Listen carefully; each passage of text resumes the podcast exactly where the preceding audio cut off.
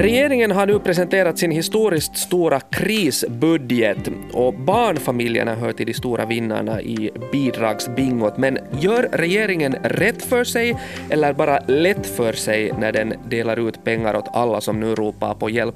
Vi ska här i Nyhetspodden ta en närmare titt på regeringens prioriteringar här i budgeten.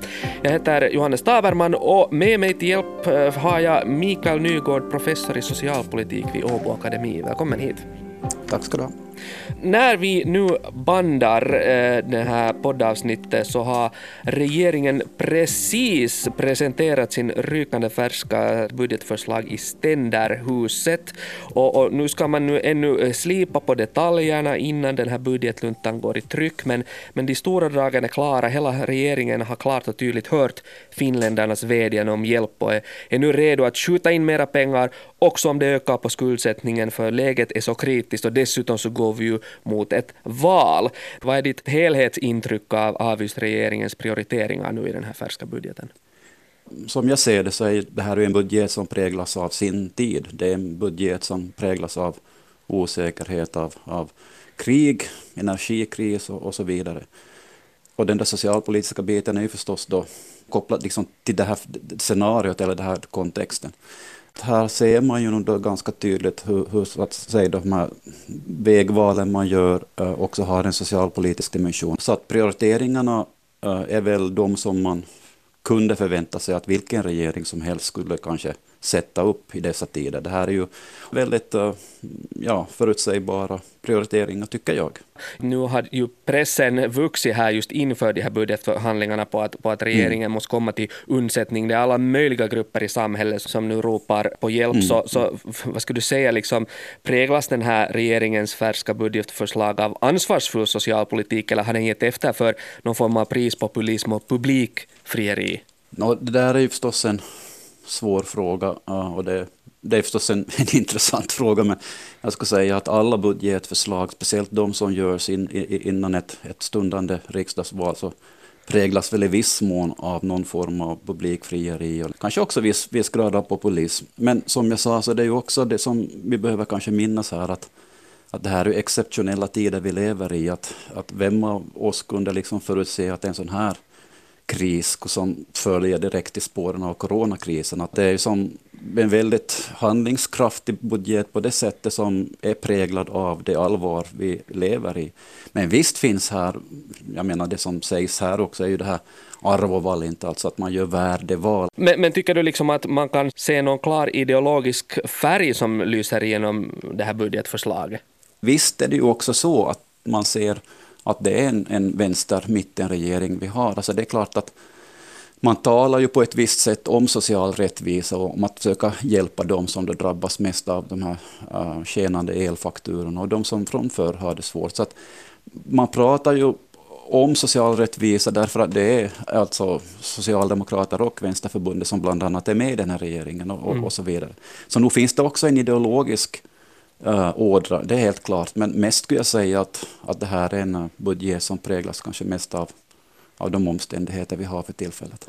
Om man tänker på den här sociala biten av, av budgetförslaget så, så nu har man ju då liksom syr man ihop sådana stora krispaket just för att hjälpa, hjälpa finländarna med att klara av eh, liksom höjda elpriser och, och, och inflationen. Mm. Och det här är ju saker som förstås drabbar mest låginkomsttagare, men tar nu fast höjda elpriser drabbar ju också folk ur medelklassen. Mm. Så, att, så att här finns det ju liksom lite olika betoningar man kan göra. Att vill man då rikta mera liksom de här stöden bara till de som har det sämst ställt, eller liksom går man mera brett över hela, hela skalan så att säga, för att det är så mm. många som drabbas. Så, så om vi tänker ur det här perspektivet så, så, så ser du något betoningar här. Vem vinner och vem förlorar så att säga nu på mm. regeringens valbudget? No, jag tycker du, du sa det själv där väldigt bra, att det är ju en, en budget som innehåller väldigt mycket riktade åtgärder. Uh, det här med el, elfakturorna och liksom hus, hushåll som har sådana elkontrakt som gör att de får skyhöga fakturor, så det är förstås en väldigt tydlig grupp här. Men överlag så är det ju väldigt mycket sådana här riktade åtgärder, sådana här selektiva åtgärder som, som då riktar sig främst till låginkomstfamiljer och, och så. Men det finns ju också sånt som är kanske mera universellt. Jag menar att, att sänka mervärdesskatten på, på el så är ju som en sån grej som ju inte, inte bara betjänar bara de hushåll som har låga inkomster, utan gäller liksom hela befolkningen och även industrin och för företagsvärde. Ja. Så det, det finns lite blandad kompott här. Och, och, men mest skulle jag säga nog ändå att det, den här budgeten, socialpolitiskt sett alltså, så präglas kanske mer av sådana selektiva, riktade uh, stödåtgärder. Ja, en sån här konkret stödåtgärd som regeringen nu slår fast i sitt färska budgetförslag är det här eh, extra barnbidraget eh, som ska delas ut eh, mm. dagen innan julafton. Det finns mycket symbolik i det. Och dessutom att man ska sänka också för en längre tid eh, de här dagisavgifterna. Mm. Så barnfamiljerna Precis. verkar verkligen liksom prioritera så här. Alla verkar vara liksom överens om att det här är en behjärtansvärd mm. prioritering. Varför? Ja, men det, alla tycker ju om det och det, det är liksom barn är någonting som, som man alltid kan använda liksom som i sådana här politiska sammanhang för att sälja någonting.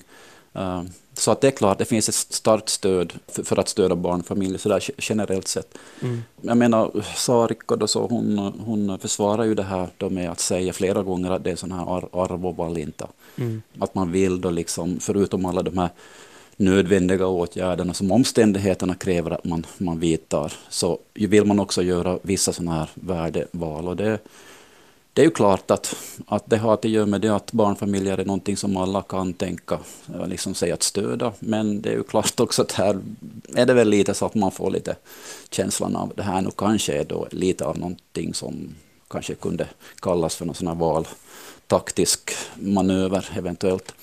För det, det, det, som jag funderar på, som jag vet att många andra också med mig har lite funderat över, ju att, att det här är ju inte en riktad åtgärd Nej. på det sättet som vi talade om tidigare. Alltså det är inte riktat till de som har låga inkomster, utan det är riktat till de som har barn. Oberoende då, av om det är liksom eh, rika eller fattiga barnfamiljer? Ja, exakt, och jag menar det vi snackade om här tidigare med de här, de här olika riktade åtgärderna, till exempel det att man höjer då det här eh, barntillägget, då utkomststödet, men också i barnbidragssystem. Så det är ju sånt som riktar sig uttryckligen till de med låga inkomster, alltså föräldrar med låga inkomster. Uh, Medan det här då är något som riktar sig till alla barnfamiljer. Alltså vi snackar om vertikal versus horisontell fördelning. Ja. Alltså det vertikala är då att man försöker liksom satsa mer på att, att utjämna skillnaden mellan du vet, höginkomstföräldrar och låginkomstföräldrar. Medan det där horisontella då handlar om att, att liksom omfördela pengar från de som inte har barn till de som har barn under 17 år. Ja. Så att det här extra barnbidraget så är ju som inte på det sättet det, det, det liksom sticker ut, om man tittar på vad de här andra åtgärderna handlar om, så sticker det här lite ut. Och så delvis har vi här liksom i det här budgetförslaget sådana som du kallar för uh, horisontala liksom, bidrag som, som, ja. som gäller liksom, uh, en, en bred samling finländare och hit hör då liksom de här uh, barnbidragen men också just den här sänkta momsen för elpriser som då ska sänkas med 10 procent i fyra månader. Men om du tittar på de här andra konkreta åtgärderna som nu ska göra det lättare för finländarna att klara mm. av höjda elpriserna i vinter så, så hittar du något bra exempel då på sådana som är mer liksom, riktade åtgärder som du här efterlyste?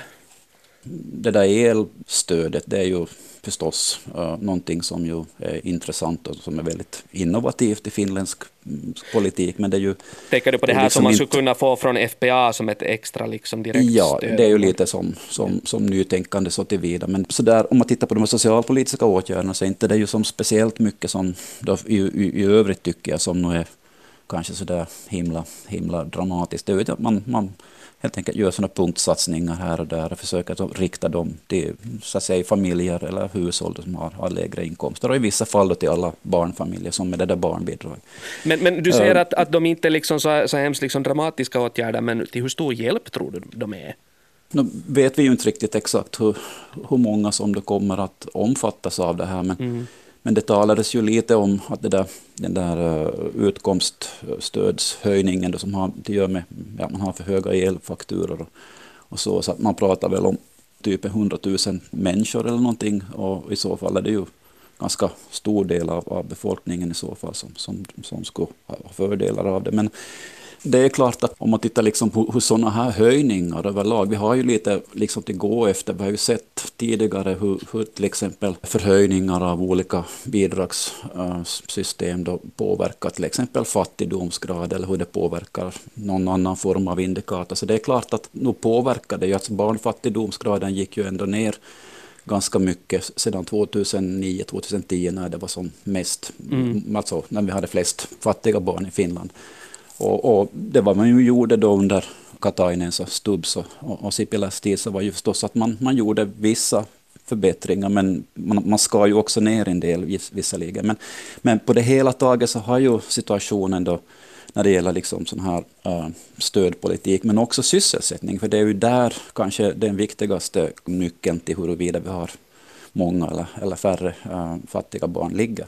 Ja. Så, så allting hänger liksom ihop, men, men visst har det betydelse att det, det är väldigt mycket, mycket pengar som man får ändå mer i hushållskassan genom de här stöden, om man är en förälder, kanske ensamstående förälder som som det där har en hög hyra och får nu ännu till en, en sån saftig elräkning och som får då stöd av den här typen från staten. Så det är klart att, att för de människorna betyder det väldigt mycket.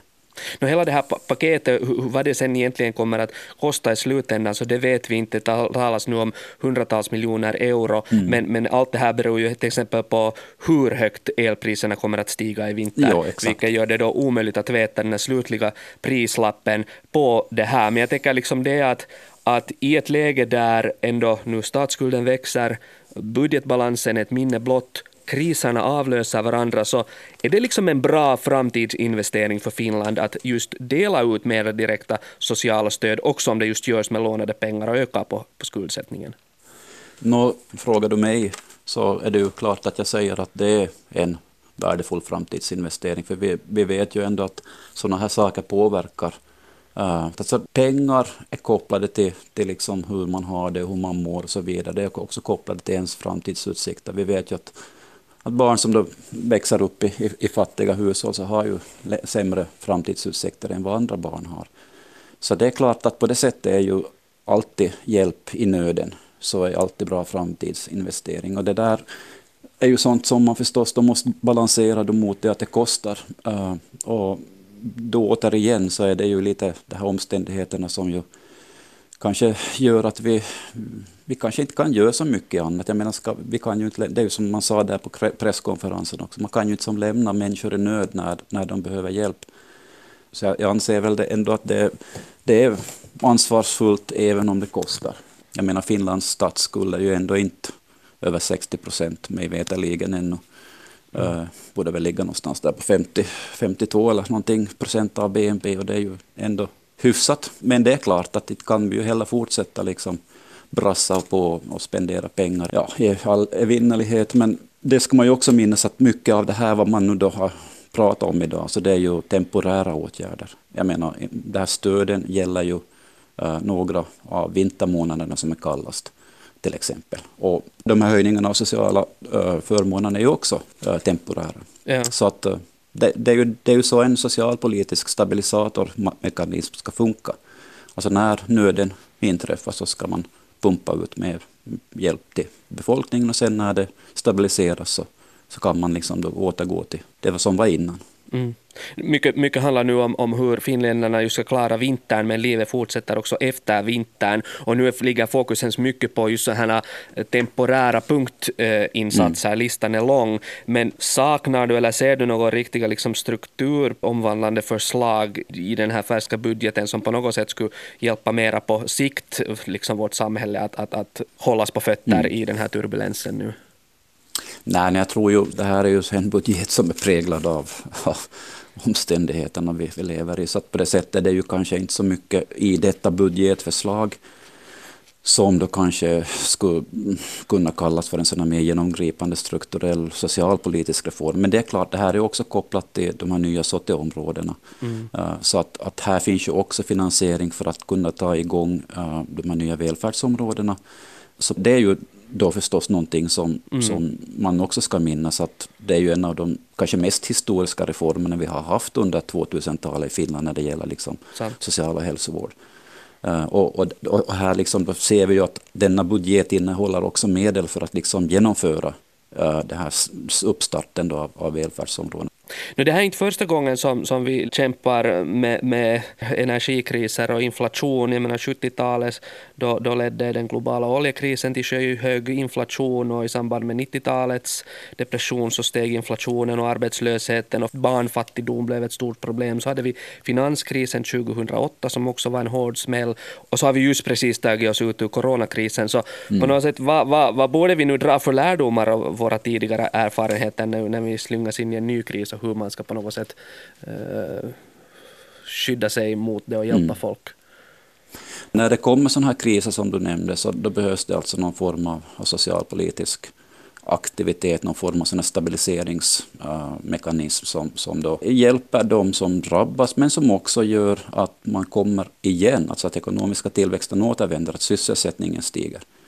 Uh, och det är inte bara det att man delar ut stöd, socialpolitik är ju så mycket mer ja, än att... Så det handlar inte bara om att dela ut pengar? Nej, nej utan det här är ju alltså satsningar i, i samhället, uh, att göra samhället socialt hållbart, men också att stödja ekonomisk tillväxt. Ekonomi och socialpolitik har alltid hört ihop och, och, och så är det ju även idag. Mm. En utmanande balans. Tack Mikael Nygård, professor i socialpolitik, för att du kom hit till Nyhetspodden och hjälpte oss reda ut den här regeringens prioriteringar här i det färska budgetförslaget. Tack, tack. Du har lyssnat på Nyhetspodden från Svenska Yle med mig Johannes Taberman. Ami Lassila är producent, Jyrki Häyrinen skötte tekniken. Fortsätt lyssna på oss.